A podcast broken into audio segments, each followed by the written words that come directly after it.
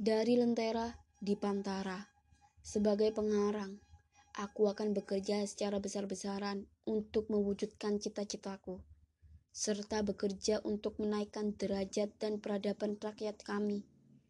Kartini, via Pramudia Anantatur.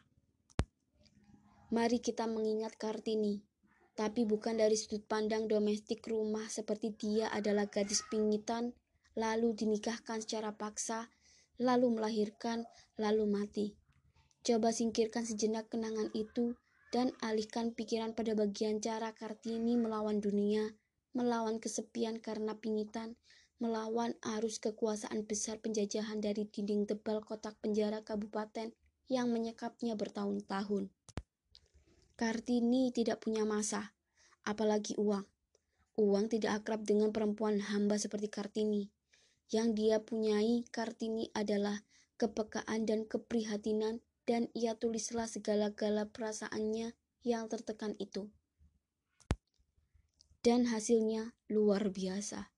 Selain melambungkan nama Kartini, suaranya bisa terdengar sampai jauh, bahkan sampai ke negeri asal dan akar segala kehancuran manusia pribumi. Mengarang, Profesi itulah satu-satunya menjadi kekuatan minimal yang dipunyai Kartini. Sastra menjadi kekuatan bagi mereka yang sama sekali tidak mempunyai kebebasan dan kekuasaan sebagaimana halnya dengan Kartini. Kartini begitu menginsyafi bahwa keper kepengarangan adalah tugas sosial dan keinsyafan itu yang disebut Pramudia Anantatur sebagai manifest kepengarangan Kartini.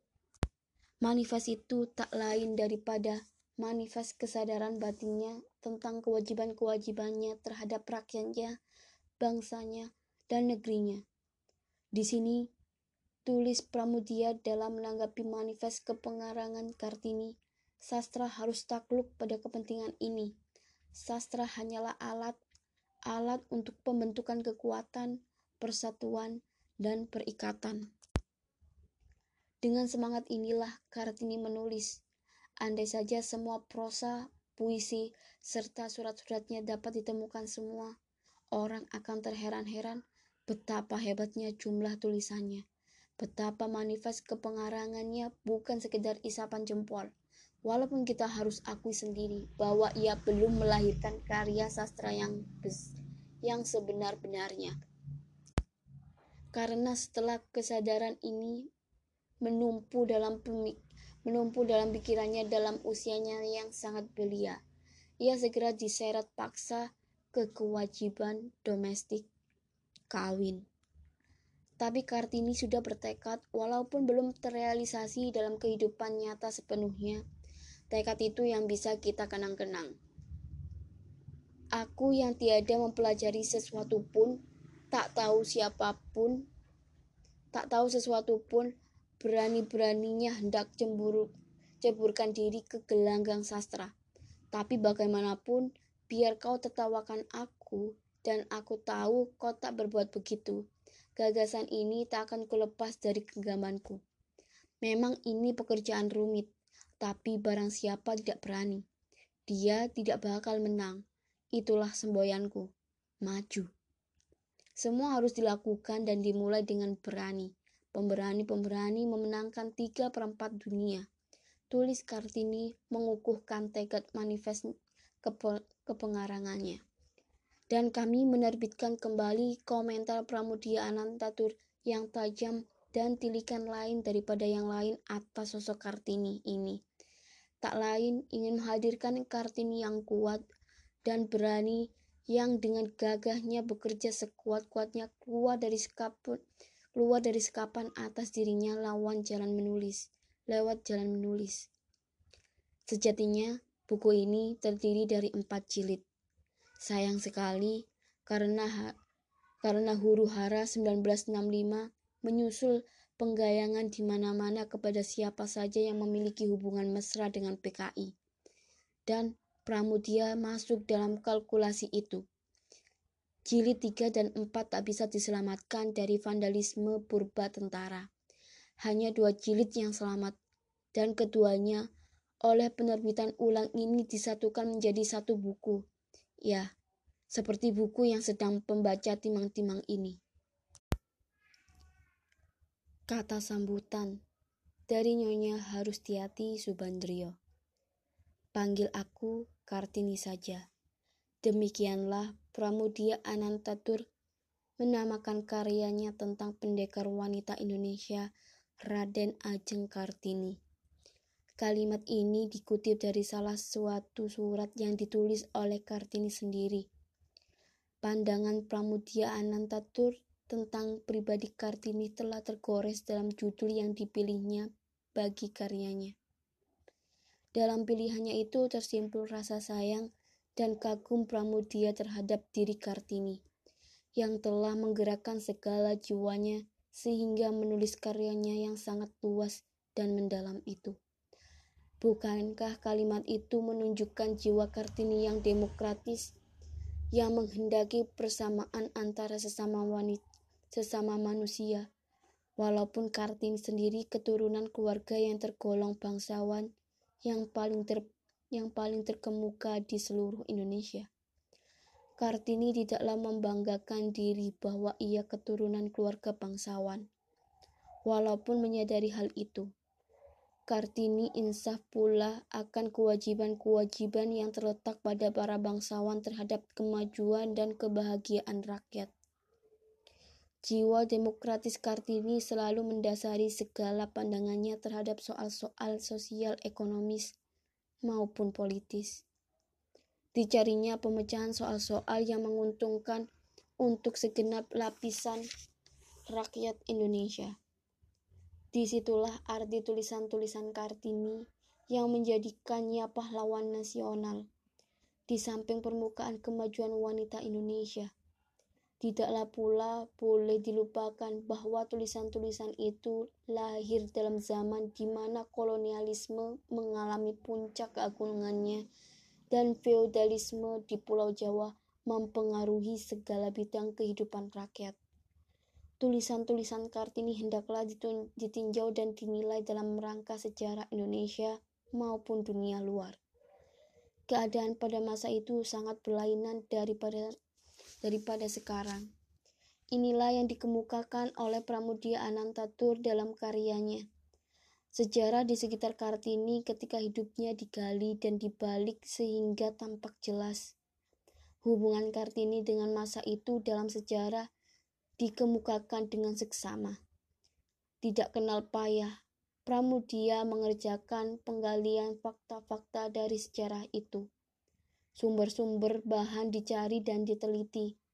Karya Kartini sendiri, tulisan tentang Kartini, bahan tentang semasa Kartini dalam arti politik, sosial, ekonomi, sejarah, dan sastra, dan lain-lainnya.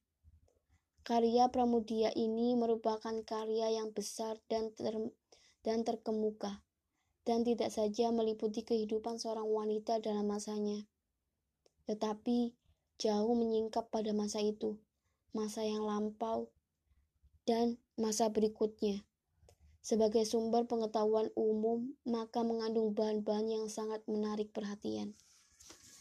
Pramudia mengemukakan sejarah Indonesia sejak masa tanam paksa atau kultur kultur kultur stilsel yang erat hubungannya dengan kedudukan keluarga Condronegoro, kakek Kartini. Pangeran Adipati Condronegoro, Bupati Demak, mempunyai tiga orang putra yang menjabat bupati pula. Ia adalah Demak, di Jepara, dan di Kudus. Ayah Kartini ialah Bupati Jepara. Dunia pribumi yang dikenal Kartini dijelaskan di mana feodalisme merajalela. Feodalisme dan adat sangat kuat dan adat sangat kuatnya. Kedudukan wanita waktu itu sangat terpengaruh feodalisme dan adat. Kehidupan di luar kabupaten diselami, kehidupan rakyat dan penderitaannya. Watak rakyat, seni rakyat, kesusilaan dan peradaban diuraikan, begitu pula pengaruh Belanda terhadapnya. Tidak jemu-jemunya pula Pramudia mengemukakan pandangan Kartini sendiri tentang segala sesuatu itu dengan menunjuk kepada kalimat-kalimat yang terdapat dalam surat-surat dan tulisan-tulisan Kartini lainnya. Dunia barat yang dikenal Kartini diuraikan dengan jelas dari riwayat pendidikan Kartini secara barat, orang-orang barat yang pernah dijumpai Kartini, dan terutama tulisan-tulisan dalam bahasa Belanda yang pernah dibaca Kartini. Dunia barat ini berpengaruh besar atas pertumbuhan jiwa Kartini dan atas cita-citanya bagi kemajuan bangsanya, terutama wanita Indonesia. Kartini adalah salah seorang pribumi dari jumlah yang sangat kecil pada waktu itu yang telah menyelami dunia barat sedalam-dalamnya dari tulisan dalam bahasa Belanda.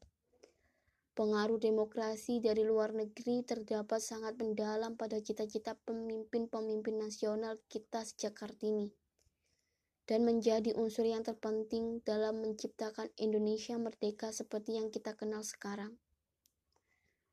Bermacam-macam konsepsi sosial ekonomis telah timbul dan dipraktekkan di Indonesia. Tetapi dasarnya adalah demokrasi, kerakyatan, dan bukan lagi feodalisme atau kasta yang ters yang bersandar pada keluhuran golongan tertentu dari masyarakat yang turun-temurun.